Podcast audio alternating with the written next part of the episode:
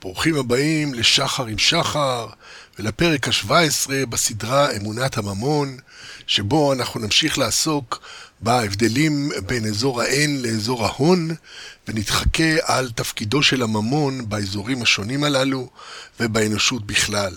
באזור האין, האביונים הרעבים תדירות מאכלסים בהמוניהם את השכבה היותר נמוכה של אזור זה. רות'רפורד, שכתב היסטוריה של הכסף, כותב בחקרו מהגרים אינדיאנים עניים שעברו מאזורי הכפר אל מקסיקו סיטי, אוסקר לואיס מצא שהם רוכשים כמויות גדולות רק לעיתים נדירות, ורוכשים במקום זאת כמויות זעירות ביותר. במקום ללכת למכולת, האינדיאנים נטו לרכוש ארוחות קטנות או חטיפים כמו טאקו, גלידה, אננס או צלחת של אורז ושועית מרוכל מקומי. הם קנו סיגריות בודדות מרוכלים, למרות שמחירן היה כפול מזה של סיגריות שנמכרו בחנויות, בקופסאות או בקרטונים. באופן דומה, אנשים באזורים העניים ביותר של אמריקה בימינו קונים המבורגרים או עוף מטוגן במזומן, ובכל פעם ארוחה אחת בלבד. אפילו במכולת הם קונים חטיפים רבים שנארזו במנות קטנות, ולכן זולים יותר בגטו של המזומנים. אנשים משתמשים גם בכרטיסי חיוג, ריהוט וטלוויזיות מושכרות, במוניות וברכבים שכורים. אותם כללים כלכליים, אותה המשגה של ערך המודפס בצורות סימבוליות, מובילים באזור ה-N לתוצאות ראי של אלו המתקבלות באזור ההון. באזור ה-N, ככל שיש לך פחות, ככה לך לשלם יותר. ובאזור ההון, ככל שיש לך יותר, ככה אתה מקבל יותר. הכל תלוי באמונה, בבעלות ובקידושה בכל השכבות החברתיות. אמונה המחוללת את הדפוס הרווח של העשירים ההולכים ומתעשרים והעניים ההולכים ומתרוששים.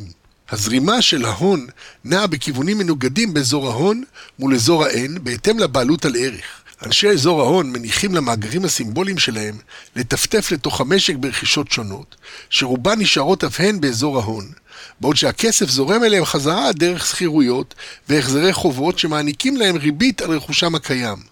שכר דירה הוא מופת מושלם לסידור זה. בעוד שאנשי ה-N מתרוצצים להמיר את מאמצי חיים לצורות ממוניות כדי לבצע את התשלומים, הבעלים, דיירי זור ההון, מקבלים את זרם החיים הזה שהודפס בצורות סימבוליות, ונחסך מהם הצורך להשקיע מאמצי חיים משל עצמם כדי להשיג את הצורה הממונית. זו השורה התחתונה, כיצד תשיג בעלות על ממון. סמית מתאר את הפגיעות הגדולה של כל דיירי אזור ה-N. בעל בית, עיקר, יצרן או סוחר, גם אם לא יעסיקו ולא עובד אחד, יכולים בדרך כלל לחיות שנה או שנתיים על המלאי שכבר יש להם. פועלים רבים לא יחזיקו מעמד אפילו שבוע. מעטים יחזיקו חודש ומתי מעט שנה, ללא עבודה בשכר. זה סמית המפורסם עם היד החזקה, הוא אמר גם את זה. דיירי אזור ה-N נמצאים תמיד על סף התהום של צרכי היסוד של המחיה, המינימום הדרוש להישרדות, ושם מוצא אותם בדרך כלל שכר המינימום. המחירים עולים במידה מספקת כדי לספוג את שכר המינימום אל המינימום ההכרחי לקיום. לאנשים אלה אין הוצאות גדולות על ביגוד, רכב או רופא שיניים. בשכבות הנמוכות ביותר של אזור ה-N אין מספיק צורות ממוניות כדי לרכוש שום צורה של עודף כלל. ומשמעות הדבר היא שהעניים רוכשים סיגריה אחת בכל פעם. אין להם די עודף כדי לזכות למחירים הנמוכים יותר שניתן להשיג באמצעות רכישת קופסת סיגריות שלמה, שלא לדבר על מארז שלם בדיוטי פרי. היעדרה של עתודה ממונית דוחק את העניים לשלם כפול על כל דבר, מאחר ואין להם די צורות ממוניות לרכוש דבר מעבר לכמויות המזעריות ביותר. העניים כמובן זוכים לחוסר אמונם של ספקי האשראי. גם כאשר הם מקבלים אשראי באמצעות הלוואות מיקרו או מגורמי שוק שחור דכאנים למיניהם המוכנים תמיד להעניק לעניים אשראי יקר ביותר, הם אינם מקבלים כרטיס אשראי. גם האשראי שלהם מבוסס על מזומנים. והם נאלצים לבצע את עסקאותיהם במזומנים. למעשה, כפי שוודרפורד כותב, במערכת הדו-מעמדית המודרנית, העניים משלמים במזומנים, בעוד שצרכנים משתמשים בפלסטיק ובהמחאות. כמובן שההשתייכות למעמד בעלי כרטיס אשראי אינה ערבות להשתייכות לאזור ההון. זה ההבדל בין ויזה זהב לוויזה אלקטרון.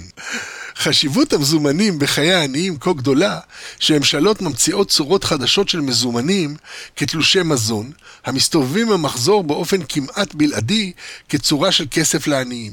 בגטו המזומנים מתחרות חנויות מכולת גדולות וחנויות נוחות קטנות במרץ רב על תלושי המזון הללו. סוחרים המוכנים לחצות את גבולות החוק גם מקבלים תלושי מזון עבור טובין שאינם מזון. אך כמובן שהלקוח חייב לשלם הרבה יותר עבור הנוחות של שימוש במזומן זה ממעמד נמוך כדי לכסות את הסיכון של הסוחר בקבלו את התלושים. סיכון הוא תמיד אמצעי רטורי טוב להצדקת גבייה נשכנית יותר המנשל את הנואשים ביותר. ברחוב אנשים סוחרים באופן בלתי חוקי בתלושי מזון כנגד מזומנים בהנחה תלולה, שגם היא נובעת מהסטטוס של תלושי המזון כצורה של כסף מדרגה נחותה, פחות מבוקשת ופחות שימושית. הכלכלה של הגטו ושכונות עניות אחרות ממקסיקו סיטי ועד מילווקי ומסיאטל עד איסטנבול מתפקדות סביב מזומנים. אך אותם מזומנים שמאפשרים את פעולת כלכלתם של העניים, גם מציבים מחסומים נגד השתתפותם בכלכלה כללית, המבססת פעולותיה על המחאות, כרטיסי פלסטיק והעברות אלקטרוניות. החברה הכללית בנתה חומות משלה המונעות את חדירת מזומני הגטו. עד הנה הציטוט מוודרפורד. ואם היו עניים שחשבו שכרטיסי חיוב ומשולמים מראש למיניהם יאפשרו להם לפלוש של כלכלת המיינסטרים, הרי שיש כבר מי שמסרב לקבל כרטיסים אלה, כפי שעושות בהדרגה חברות רבות המעדיפות את הגב הבנקאי של כרטיס אשראי, המאפשר חיובים חוזרים, על פני התשלומים החד פעמיים במזומן של כרטיסי החיוב, ושוב נטרקת הדלת בפני דללי האמצעים. עם כל ראשי הגשר שבנו החובות הצרכניים לעבר אזור ההון, למרבית דיירי אזור העין על פני תבל אין גישה לאשראי כזה, ובכל פעם שמשרות נעלמות ומשכורות מתכווצות, נדחפים אנשים נוספים מאזור העין אל מחוץ לשוק. קיימים הרבה מחסומים. קיימים הרבה מחסומים בפני הכישרון, הרבה מכשולים בדרך. והיעדר ממון עודף הפך לאחד המשמעותיים. לאחד המשמעותיים בהם. בניגוד ליכולתו המהותית של הממון לחצות את כל הגבולות, קשה מאוד לצבור אותו בשוק המתאים את עצמו בהתמדה לשאיבת כל העודפים מהכנסות ממוצעות. הפער ההולך וגדל בין אזור ההון לאזור האין גלוי לעין במדינות רבות שבהן בעלי בתים חיים מהכנסותיהם של ההומלסים המשלמים שכר דירה. כך, באופן פרדוקסלי, עצם היכולת של כסף לחצות את כל הגבולות, הופכת לאמצעי ההעברה של הערכים שמייצרים דיירי אזור ה-N אל אזור ההון. כולנו צפים על ים האמון שהכסף מספק, אך יש דרכים שבהן ניתן לנתב את האמון הזה לטובת הרבים, ודרכים אחרות המיטיבות רק עם מעטים. הממון הוכיח את עצמו כדרך להביא שפע ורווחה לאנושות, וככל שהוא יגיע לידי כל אדם עלי אדמות, בשפע הולך וגדל, כך הוא יביא ברכה לכלל האנושות. נקודה נוספת שצריך uh, לדבר עליה בהקשר של אזור ההן ואזור ההון, זה דירוגי אשראי והדרה. נקודת אי שוויון משמעותית, במיוחד באווירת המיתון הנוכחית, היא שתוכל ללוות כסף רק אם כבר יש לך.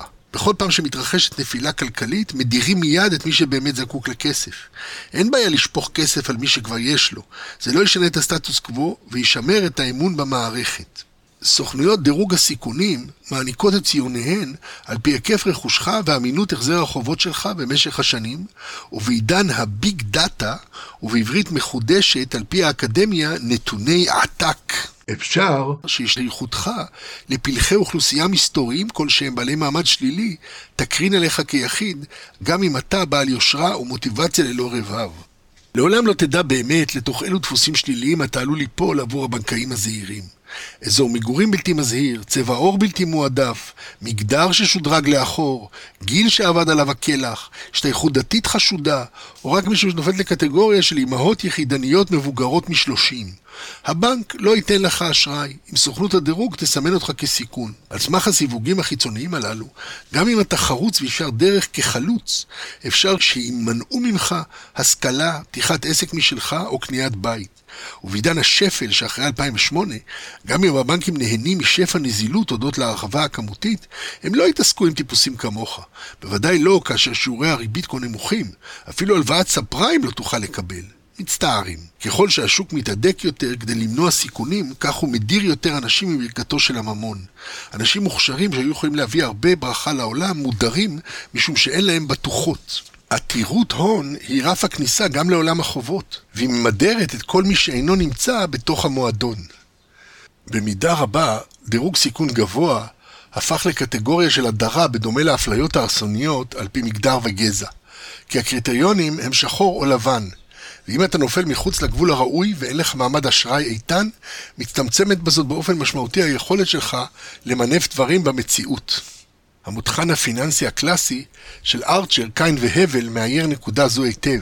הבנקאי חמור הסבר שאינו מעניק ליזם את ההלוואה הדרושה לו משום שהקריטריונים של הבנק אינם מאפשרים לו לעשות זאת, אם כי באופן אישי הוא חושב שהאיש ראוי וסופו שהוא מממן אותו בסתר. ברור שכל הנושא של סיכונים וניהולם, שהפך עתה לאופנתי ביותר, צריך בדיקה מחודשת ברמת זכויות הפרט. לממשלות יכול להיות תפקיד מכריע בהקשר זה, משום שהקריטריון שלהן לא חייב להיות מזעורם של סיכונים. ממשלה יכולה לאמץ קריטריונים כמו ריבוי של יוזמות, ולא קשר לסיכונים. אחרי הכל הממשלה היא המלווה של המוצא האחרון. אם כך, מדוע לא לשמש כמוצא האחרון המרעיף טוב על דיירי אזור ה-N? אבל המגמה של פיצול העולמות קשורה במיוחד לתכונה המופשטת של הממון. עולם אחד הוא עולם אמפירי, ריאלי, המלופף בתוך העולם המושגי של הממון. עולם שבו אנשים עסוקים בכל הדברים שהם עסוקים בהם מאז ומעולם. הישרדות, פרנסה, אוכל, קורת גג. ולעומתו עולם שני, שבסיס פירמידת הצרכים של מאסלו כבר מזמן טריוויאלי אצלו. עולם שבו הממון, כמו המתמטיקה הטהורה, אינו מלפף דבר פרט לעוד ממון, והסימבולי אינו מייצג אל הסמלים אחרים. עולם של הון המוליד הון, והממשק המורכב בינו לבין העולם הראשון הוא המקור של כל ההתאבכות הבלתי פוסקת של צרותינו הכלכליות. מנקוף וטולקסדורף, שדיברו על אה, נדידת שווקים פיננסיים, ניתוק המגזר הפיננסי מהכלכלה האמיתית, סימן שאלה, הם אה, קוראים לזה סחיפת השווקים הפיננסיים או ניתוק המגזר הפיננסי מהכלכלה הריאלית, וכך הם כותבים: אין כל ספק שהאגרגטים הפיננסיים גדלו בקצב מהיר יותר מאשר האגרגטים הריאליים במהלך עשר או עשרים השנים האחרונות. החשיבות היחסית של שווקי הון, זרימות הון ועסקאות פיננסיות בינלאומיות גדלו בהשוואה למניות של חברות ממשיות או תוצר לאומי אמיתי. כמה אנליסטים מאמינים שהתפתחות זו הובילה לשינוי באיכות. באופן מסורתי המשק הריאלי הפרודוקטיבי היה במרכז הבמה והתפקיד של המגזר הפיננסי היה לתמוך בצמיחתו. עכשיו אולם נראה שהמעמד הדומיננטי התהפך על ראשו. אירועים בשווקים הפיננסיים פועלים על פי ההיגיון הפנימי שלהם והמשק הריאלי נאלץ להסתגל בהתאם. זוהי התפיסה הפסימית או השערת הניתוק. אפשר שהנושא הידוע ביותר בהקשר של צמיחת השווקים הפיננסיים הוא הצמיחה החזקה להדהים בנפח עסקאות שוק המטח הגדול בשיעור של פי 25 מנפח הסחר הזר. צופים רבים רואים ביחס זה את לב הבעיה. השווקים הפיננסיים גדלו בצורה חזקה כל כך, שכבר יש להם מעט במשותף עם הכלכלה הריאלית.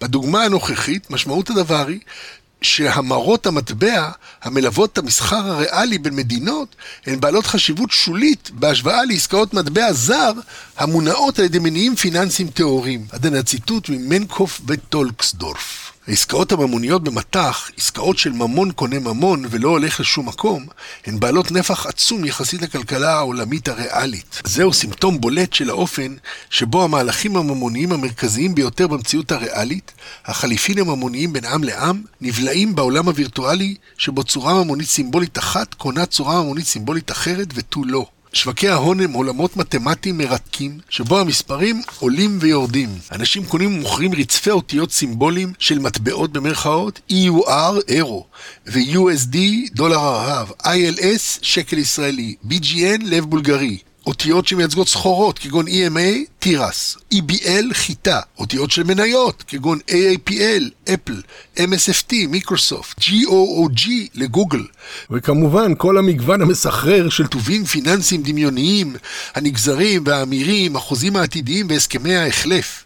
ובאופן כללי כל הסטרטוספירה של עסקאות מופשטות בצורות סימבוליות מופשטות, המחזיקות יפה את ערכן, אך אינן נוגעות בקרקע המציאות לעולם, כפי שניתן לראות מהתיאור של הנגזרים בוויקיפדיה. הנגזרים נקראים כך כי המסחר בהם אינו בנכס עצמו, כי הם בחוזים המתייחסים לנכס, שערכם נגזר מערכו של הנכס. מיון הנגזרים לסוגיהם יכול להתבצע על פי תכונותיהם השונות. סוג הנגזר, שזה יכול להיות חוזה עתידי, אופציה, אופציות דולר, עסקאות החלף, סוג מדד הבסיס, זה מטבע, מניה, מדד, סחורה ועוד, השוק שבו הם נסחרים, בורסה או עושה שוק פרטי, אופן הסדרת ההתחייבות עם פקיעת הנגזר. זה יכול להיות תשלום, זה יכול להיות העברת סחורה בפועל. הנגזרים מאופיינים בכך שיחידה אחת של נגזר מייצגת כמות גדולה יחסית של יחידות נכס בסיס. כך למשל, בבורסה לניירות ערך בתל אביב, אופציה אחת למסחר בשקל דולר משקפת כמות של עשרת אלפים דולר. תכונה זו היא שגורמת לערך הנגזרים לנוע באופן חריף מאוד יחסי לתנודות של נכס הבסיס, ומהווה למעשה סוג של מינוף. עד הנה מהערך נגזרים בוויקיפדיה העברית. כמו כן, יש בדרישות הסף האלה כדי להדיר את רגלם של אלה שהבעלות שלהם על צורות ממוניות אינה מגיעה להיקפים כאלה. מאז 2008 הלך הפער בין אזור ההון לאזור ההן והעמיק, עד כי נוצרו שתי מערכות כלכליות הפועלות בצורה שונה מאוד, וגם גורלן הפיננסי שונה מאוד. בעוד שהכלכלה הקשורה לעולם הריאלי ספגה חבטות יותר ויותר קשות, הכלכלה הקשורה לעולם הפיננסי, הסימבולי, הלכה ונסקה אל על. כפי שכותבת פרינס על מה שקרה בעקבות ההרחבה הכמותית שהוזרמה לאזור ההון אחרי 2008. היא כותבת את זה בספר שנקרא עיוות קבוע, כיצד השווקים הפיננסיים נטשו את הכלכלה האמיתית, כתבה את זה לא מזמן, מ-2022.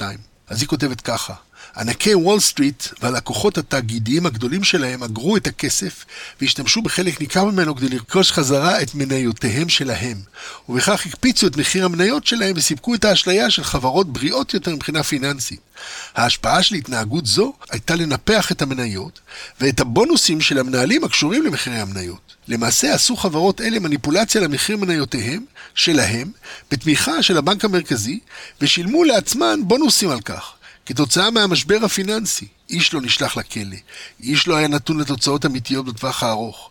לעומת זאת, אנשים בכל העולם היו נתונים לגזרות צנע שפגעו יותר מכל בסטודנטים, באוכלוסיות פגיעות ובאנשים בעלי משכורות נמוכות. עד כאן הציטוט. כך נוצר השסע הגדול בין אזור האין לאזור ההון.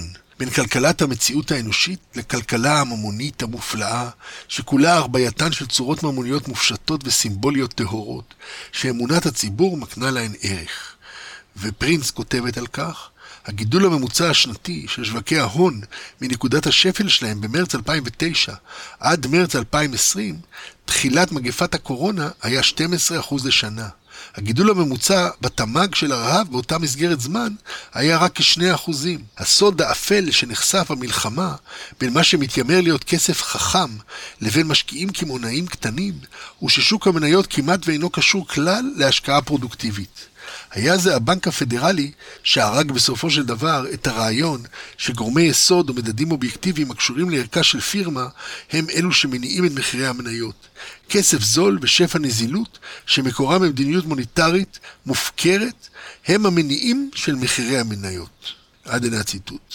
נעמי פרינס גם מתארת היטב את הפער בין אזור ה-N לאזור ההון במפולת של 2008. היא כותבת, בדרגים העליונים של החברה, הדאגה הייתה שהבנקים לא מתפקדים באופן אמין, ששווקי המניות והאג"ח נמצאים בנפילה, ועשרות בנקאי השקעות יכלו לראות כיצד הבונוסים שלהם מתנדפים. בדרגים הנמוכים של הסולם הכלכלי היו פחדים יותר שורשיים, חוסר יכולת לשלם את שכר הדירה, אובדן משרות, פינוי בתים ועתיד פחות יציב. לכסף קל הייתה השפעה עמוקה על ההחלטות הפוליטיות והכלכליות במדינות ברחבי העולם. למרות ההבטחה שפעילות החירום של הבנק המרכזי תציל את הכלכלה הריאלית, התמיכה חסרת התקדים של הבנקים המרכזיים ברחבי העולם, בבנקים ובשווקי ההון, הגבירה את חוסר השוויון, הגדילה את רמת החוב, הביאה לנטיות התבדלות ורוממה את העשירים ובעלי הכוח.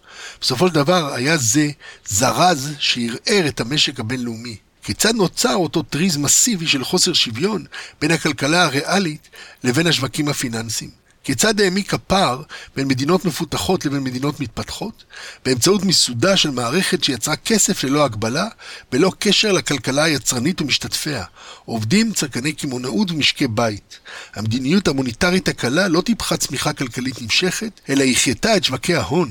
המשק של ארצות הברית גדל בשיעור 2.2% בלבד בשנת 2012, בזמן שמדד המניות גדל ב-13.4%. גם כלכלת סין רעדה.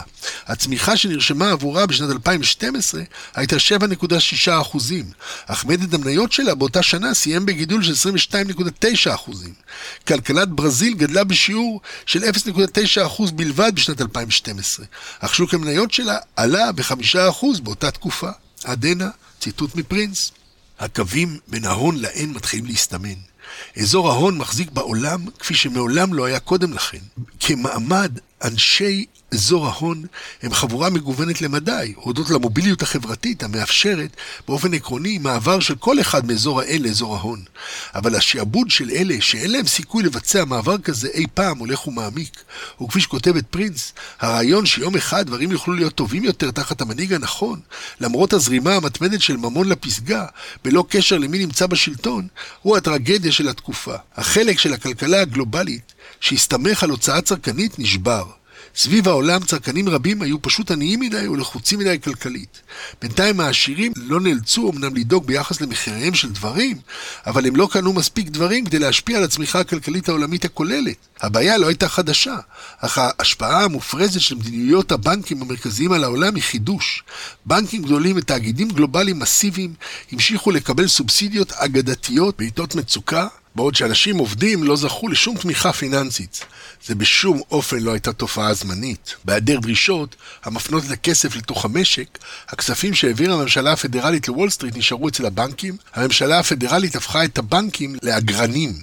כשהכסף היה כל כך זול, זה היה פחות מסוכן עבור הבנקים להשתמש בו עבור ספקולציות בשווקים, מאשר לקחת סיכון על בעל עסק קטן. הקשר בין סיוע כספי בשפע ובכלכלה איתנה נשאר הנרטיב הרווח. בעיקר ביחס לבנקים גדולים, אך דבר לא שינה את תנאיהם של העובדים, ובמיוחד מיעוטים. עד הנה הציטוט מפרינס. פרינס עוד ממשיכה ואומרת, ביחס להפרדה ההולכת ומעמיקה בין אזור ההון לאזור האין. כך היא כותבת: בינתיים אי השוויון הלך וגדל. אנשים בעלי עושר רב יותר הרוויחו עוד יותר באמצעות הנחת כספם בבורסה. ברמות הגבוהות ביותר של הפיננסים, הוודאות שהממשל הפדרלי לא יניח לאספקת הכסף להצטמק או לשווקים ליפול, הייתה מציאות חדשה עבור אלו שהיה ביכולתם להחזיק פוזיציה בשוק. מן הצד השני עמדו אנשים פחות עשירים, שלא היה להם ממון עודף אפילו כדי לשקול את האפשרות של השקעה.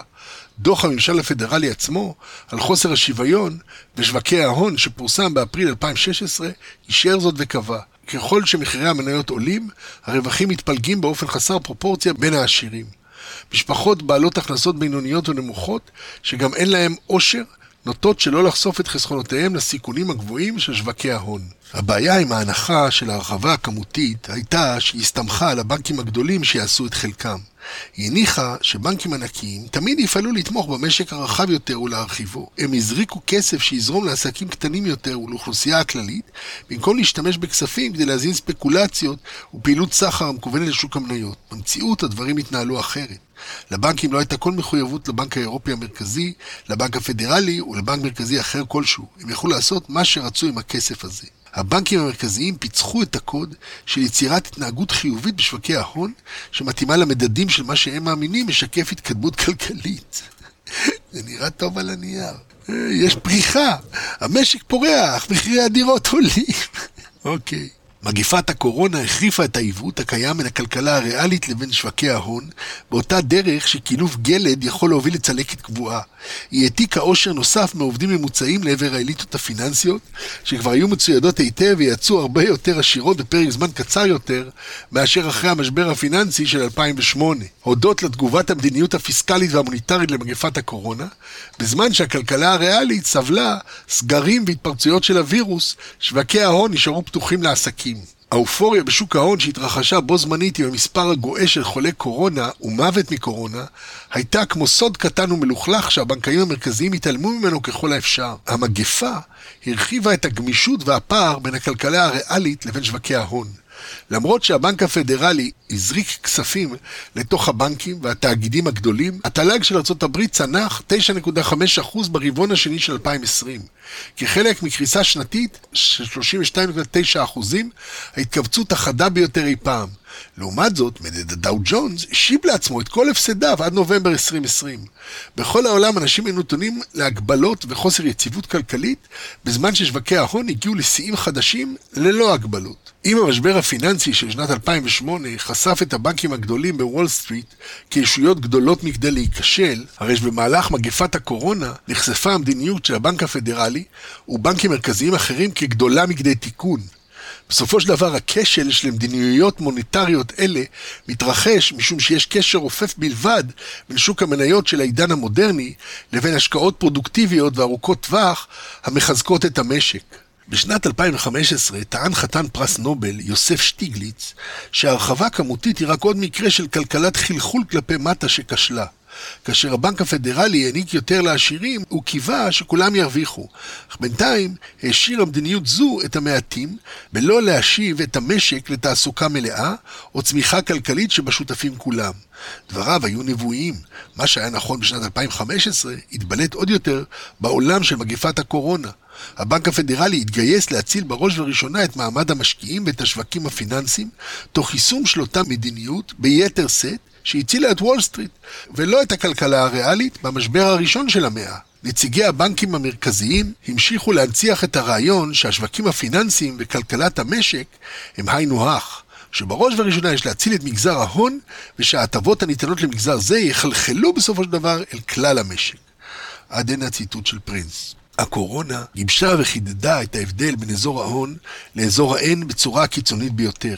כלכלה אחת, דמיונית, המבוססת על אמונת הממון בטהרתה, וכלכלה אחת, המחוברת למציאות האמפירית, שבה עדיין האדם לעמל יולד, ובזיעת אפו יביא לחמו. שני עולמות. ופרינס מוסיפה כאן בהקשר הזה, מה שמגפת הקורונה הראתה הוא שכל נתיב להרוויח כסף פתוח לגמרי בפני אלה שכבר היה להם כסף, אך סגור בשלטי אין כניסה עבור אלה שאין להם, עד הנה פרינס. אמנם עצם האסטרטגיה המשמשת את הבנקים המרכזיים כדי למנוע אינפלציה היא אסטרטגיה מכוונת לשווקים הפיננסיים ולא אל הכלכלה הממשית. אבל, כפי שכותבת פרינס, האירוניה הקשה של לוחמה באינפלציה באמצעות העלאת שיעורי הריבית היא שהיא מעלה את עלויות ההלוואה גם עבור אנשים החיים במציאות הריאלית, ולמעשה מכה בהם מכת אכזר, עד הנה פרינס. בפועל, השוק כבר הפנים את הקריסה כחלק מחזון העתיד הסימבולי שלו שגולם בביטוח. כל נגזר במרכאות שנמכר היה מבוסס על ציפייה לחדלות פירעון. לינץ' מתאר את אופי הנגזרים ששימשו כדי לבטח את השוק, בדיוק המכשיר ששימש כדי למכור אותו בחסר ולהמר נגדו. וכך הוא כותב, נגזרים מתוארים בדרך כלל כמכשירים פיננסיים שערכם תלוי או נגזר מהביצועים של מקור משני כמו אגרת חוב, מטבע או סחורה, או מכשיר פיננסי שהערך שלו תלוי ב, או נגזר מערך של משתנה אחר, יסודי יותר. ליתר דיוק, נגזרים הם חוזים מזדמנים, תפורים לפי מידה, בין שני צדדים שכנגד, שבו התשלומים לכל צד מאת כל צד תלויים בתוצאה של אירוע חיצוני בלתי ידוע, כאשר כל צד מצפה לתוצאה הפוכה מזו שמצפה לה הצד שכנגד, עד לינץ'. במילים אחרות, מדובר בהימורים על כל דבר שביכולתכם להעלות על הדעת, כנגד הציפיות של מהמרים אחרים. באופן שבו ככל שעומדים את ההסתברות לקרוא את האירוע כנמוכה יותר, כך הפרמיות נמוכות יותר, והפדיון במקרה של הזכייה גדול יותר. למרבה הפלא מסתבר שרוב הכסף בעולם מסתובב בצורה כזו או אחרת של הימורים הדדיים כאלה, כפי שסיכם מייברי ב-2018.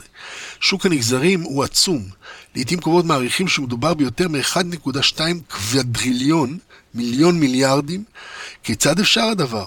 בעיקר משום שיש אין ספור סוגי נגזרים, הזמינים למעשה עבור כל סוג אפשרי של נכס השקעות, כולל הון בעלים, סחורות, אגרות חוב, מטבע זר, כמה מנתחים של השוק אומדים את גודל השוק כגדול פי עשר מהתוצר המקומי הגולמי של העולם כולו. עד הנה, מייבריק.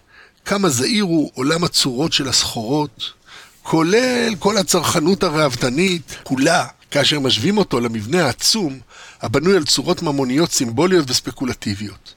כמה זעיר חלקו של אזור ה-N בהשוואה לאזור ההון, טיפה בדלי, כמה טריליונים בודדים. יש לזכור שכל הפעילות הספקולטיבית הזאת, בהיקף של 1.2 קוודריליוני דולרים של תסיסה סימבולית, שעכשיו ללא ספק הורחבה והוזנה כדבעי בעקבות כמויות גדולות של הרחבה כמותית, מתרחשת כל כולה באזור ההון. לאנשים שמהמרים נגד השוק או מוכרים אותו בחסר, יש את האמצעים הסימבוליים לעשות זאת. מדובר בפרשייה פנים-אזור הונית, משני צידי השוק. היחידים שמשלמים בסופו של דבר מחיר ממשי הם דיירי אזור ה-N שאיבדו את נכסיהם, או אפילו כאלה ששילמו שכר דירה, אך בעל הבית שלהם איבד את ביתו.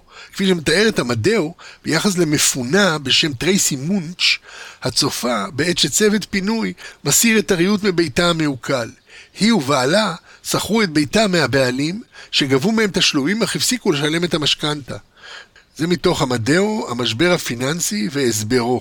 כפי שמציינים מיאן וסופי, שכתבו ספר בשם בית החובות, ניתן היה לעשות את הדברים אחרת, ואף עשו אותם אחרת בנסיבות דומות במהלך ההיסטוריה. בניגוד לשפל הגדול, ממשלות בשנת 1819, ברמת המדינה בארצות הברית, הגיבו באופן תוקפני על מנת להיענות לצרכים של בעלי חוב, ובמיוחד החקלאים. מדינות רבות הקפיאו את כל תשלומי החובות והעיקולים, עד הנה מיאן וסופי. הסטרטוספירה של אזור ההון עתירה בהון, אך דבר לא מבטיח את האינטליגנציה או את היציבות הנפשית של השחקנים. כפי שכותב לינץ' בחריפות, אפשר שספקולטור יצליח להמר ברווחיות במשך זמן מה, בנבעו את תנועותיהם של מחירים עתידיים. אך כדי להשיג רווחים, ספקולטור מתוחכם חייב למצוא ספקולטורים פחות מתוחכמים שיהיו מוכנים לאחוז בצד השני של ההימור. הוא זקוק לפריירים.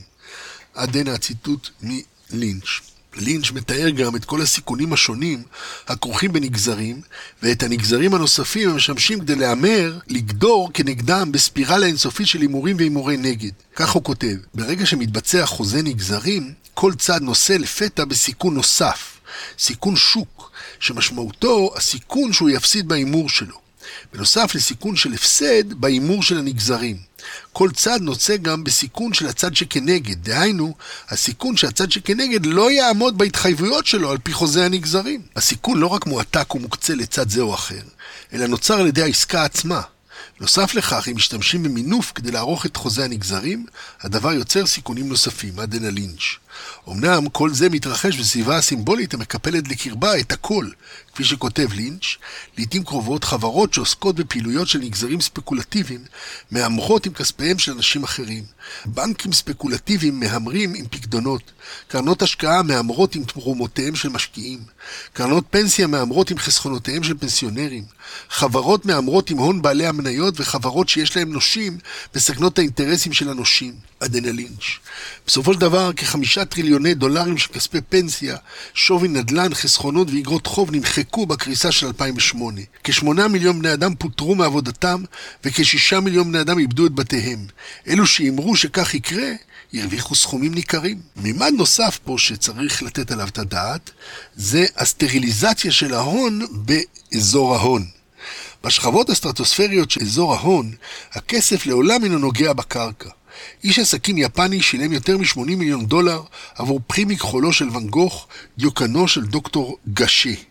ערך עתק זה, שהגיע ממקורות שונים, הוא עתק בעת ובעונה אחת לצורתה של התמונה ולמאזני הבנק של בית המכירות הפומביות סות'ביז. ספק אם חלק משמעותי כלשהו מסכום זה, וכמובן מדובר בצד של סות'ביז, שימש כדי לקנות מצרכים במכולת. על הצד של התמונה אין מה לדבר, כי התמונה היא פשוט תלויה על איזשהו קיר, כל הערך שגנוז בה תלוי על איזשהו קיר, או נמצא באיזה כספת ממוזגת אי שם ביפן. מרבית הכסף בכלכלה מנותק לחלוטין מהמציאות שבה אנשים משתמשים בצורות הממוניות הסימבוליות שלהם כדי לרכוש דברים כמו מזון או לשלם את שכר הדירה שלהם. ועם זאת רוכש אבן גוך ורוכש כיכר של לחם קימל במכולת. היו זמנים שהיה לחם קימל. שייכים לאותה מערכת מושגית ערכית ומאמינים באותן צורות המחזיקות ערך. אמנם אפשרות ההגירה הזאת היא התכונה היסודית של הממון, באשר הוא המעתיק את הערך מהמוחשי אל הסימבולי. וההגירה של עושר משמעותי של נכסים מתרחשת כולה בסימבולי, ורובה יוצאת מהאינטראקציה המיידית עם המציאות. אי אפשר לשלם בבתים. שוק הנדל"ן הוא מאגר של בתים, שרק חלק קטן מהם משתחרר או מתחדש בשוק מדי שנה. מי ירצה לרכוש את אבן גוך? לאיש מחוץ לעשירים ביותר יש את האפשרות לרכוש יצירה זו. מאחר וערכה התקבע בתוך צורה מיוחדת המכילה ערך גבוה במיוחד, והיא מחכה למיליארדרים אחרים שיכולים לשכפל אותו. בעולם של עושר שהולך ונצבר ללא הרף, הבעיה היא מה לעשות עם השפע הבלתי פוסק של הערך המאוחסן בריבוי של צורות ממוניות, המעורר חיפוש בלתי פוסק אחר צורות של אספנות, שבחוג מוגבל של מביני דבר עשירים יוצרות שוק משל עצמן, בדמות צורות ייחודיות שיכולות להיות מופשטות לחלוטין, כמו שמות דומיין, או מוחשיות כמו יצירות של הציירים הגדולים. שוק האמנות הוא דוגמה מעולה לאופן שבו תלוי הערך בהסכמיות סביב הסימבולי. מק אנדרו, בספרו אומנות איכותית ו- ופיננסים גבוהים, עצות אה, מומחה על הכלכלה של הבעלות, כתב את הדברים הבאים: ככל שנסקו מחירי האומנות וההחזרים על השקעות בשוק ההון החלו להתכווץ, הוסיפו ספקולנטים דלק לשוק האומנות שכבר היה לכתחילה מחומם. בועת שוק האומנות בסוף שנות ה-80 נופחה במיוחד כתוצאה מרכישות יפניות, בעיקר במגזרים של האמנים האימפרסיוניסטים והפוסט-אימפרסיוניסטים. הביקוש הונע בעיקר על ידי שאיפה לחמוק מתשלומי מס וצבירת עושר ונכסים בגיבוי אינפלציוני.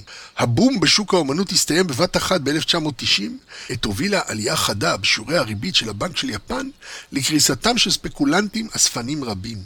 אוספים רבים נמצאים עדיין בכספות הבנקים, מאחר ושימשו בעבר כבטוחות כנגד הלוואות עסקיות שכשלו במהלך השפל היפני שבא לאחר מכן.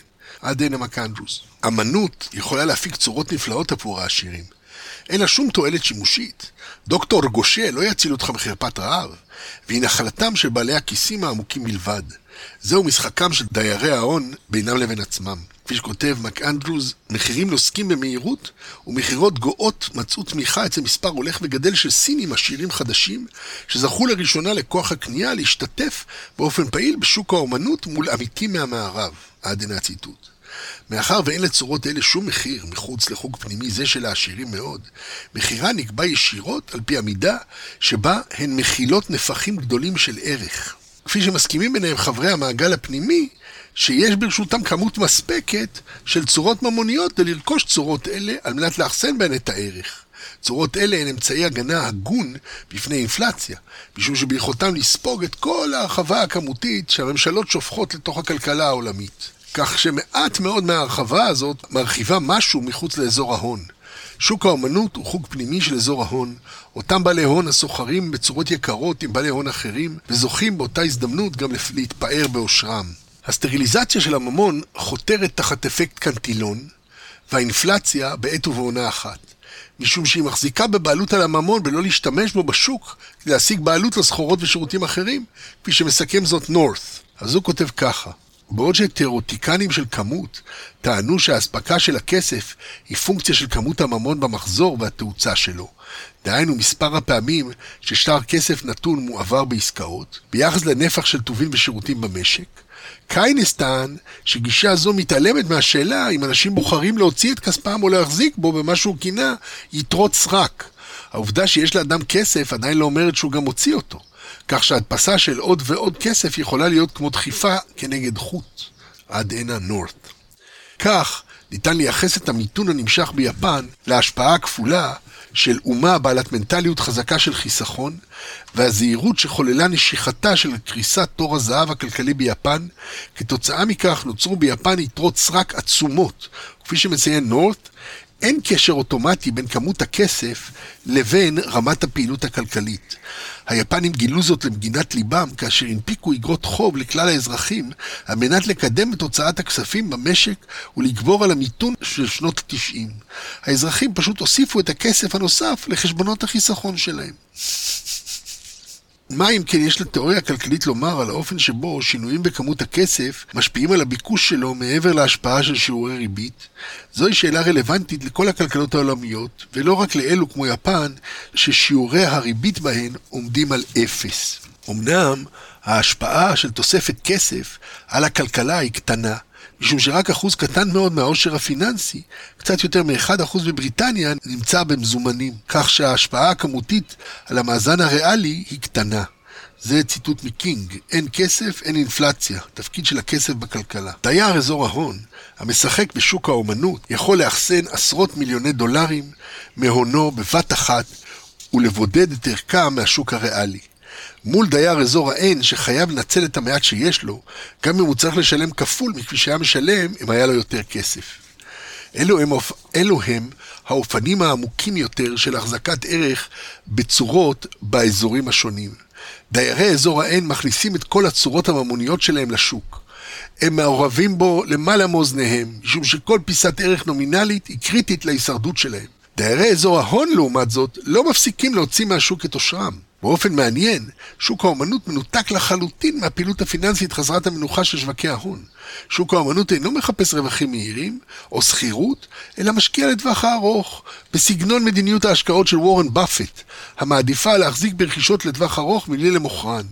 אלה משקיעים באומנות צורך דוחף להעביר את הערך המאוחסן בצורות היפות שרכשו לצורות אחרות. זהו העיקור המושלם של העושר.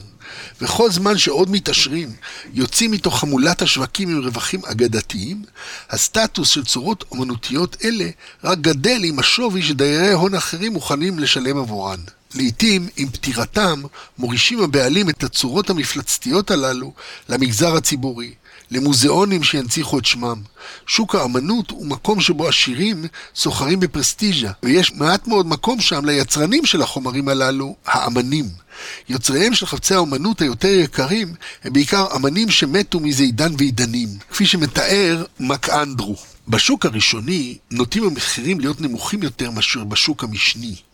ואפשר שידרש זמן רב עד שיצירה תוכר כבעלת ערך אומנותי, נדירות, חשיבות היסטורית או מוניטין. עד שיצירה נמכרת בשוק המשני, ערכה נוטה להיות גבוה יותר. והרכישות נוטות להיות בעלות סיכון נמוך יותר. הירידה בסיכון קשורה לתכונה ייחודית של יצירות אומנות. דהיינו שערכה נוטה לעלות במקום לרדת עם הזמן.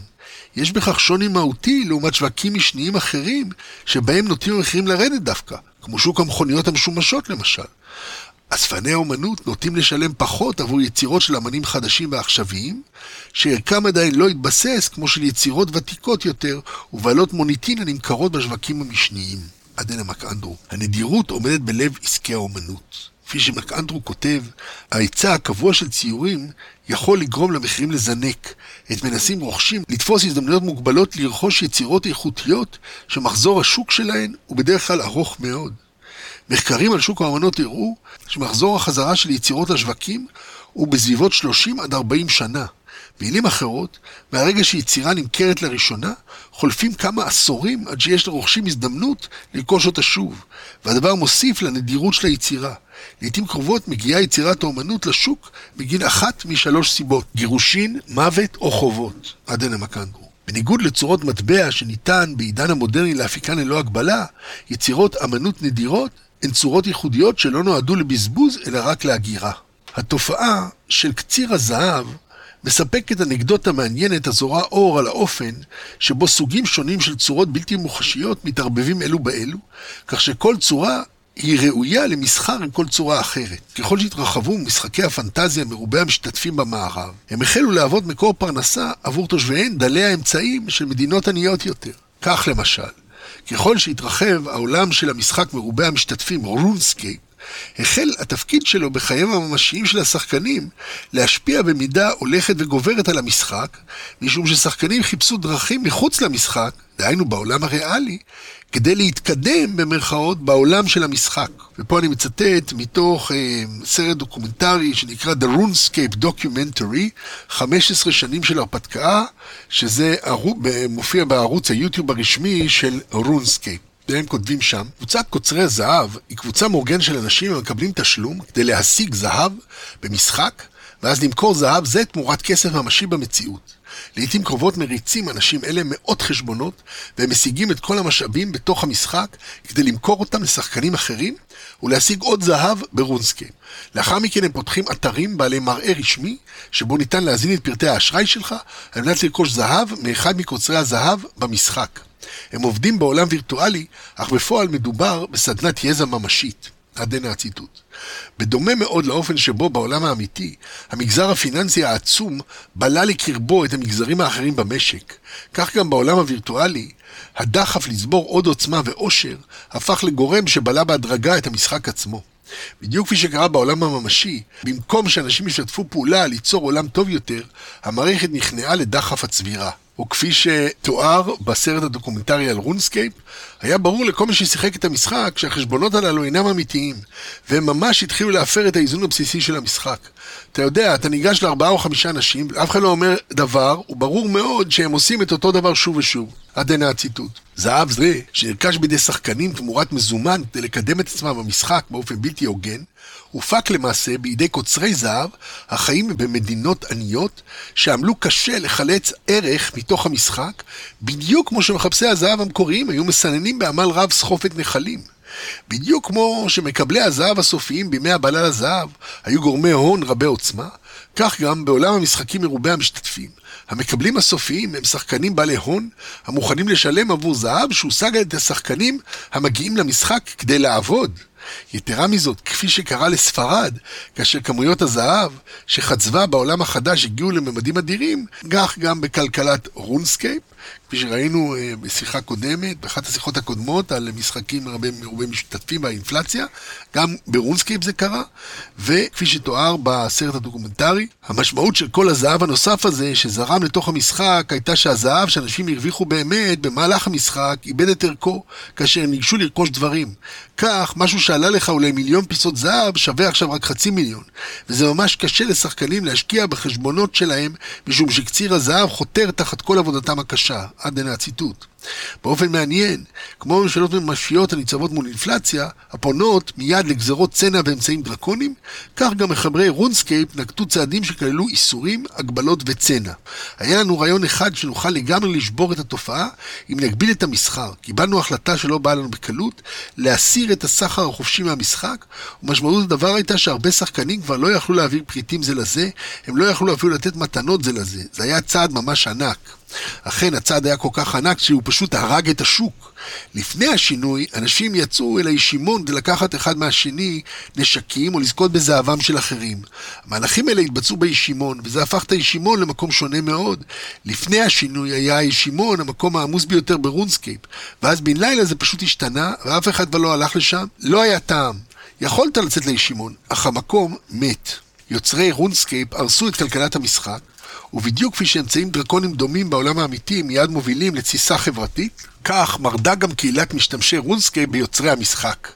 וכך מתועד בסרט, הסרת הישימון הייתה האירוע הדרמטי ביותר בהיסטוריה של RuneScape, והוא היה ייחודי בכך שהוא איחד את הקהילה מול חברת Jagex.